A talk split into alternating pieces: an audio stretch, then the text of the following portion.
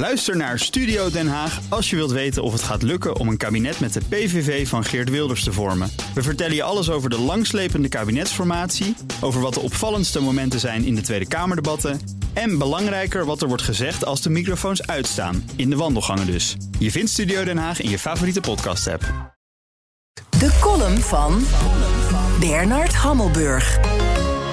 Decennia lang noemden politici en journalisten de Israëlisch-Palestijnse kwestie de moeder van alle conflicten.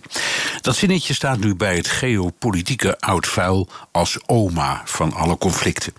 Met de kerstverse vrede tussen Israël en de Verenigde Arabische Emiraten is er een nieuwe moeder van al het kwaad, Iran. Een aantal Arabische landen staat op het punt de Emiraten te volgen. Bahrein waarschijnlijk als eerste, dan Oman. Marokko en zelfs Saoedi-Arabië en Qatar spelen ook met de gedachte. De Soenitische wereld verenigt zich met Israël tegen de Sjiïtische as. Iran, Syrië, Libanon en Irak. Daarmee gaat het Saoedische vredesplan van 2002, aangenomen door de Arabische Liga, overboord. Dat plan luidde simpelweg: Israël trekt zich terug tot de grenzen van 1967. Er komt een onafhankelijk Palestina, in ruil waarvoor alle Arabische landen vrede sluiten met Israël. Nu sluiten ze vrede zonder een onafhankelijk Palestina, wat een ommezwaai is van enorme omvang. De waarheid is dat de Palestijnen in de Arabische wereld nooit populair zijn geweest. In de meeste landen waar Palestijnen wonen, worden ze met de nek aangekeken. Maar op papier en officieel steunde de Arabische Liga hem wel. En 5 miljoen mensen in Gaza en op de westoever van de Jordaan kun je niet zomaar negeren. Het is dus begrijpelijk dat de Palestijnen woest zijn en zich verraden voelen.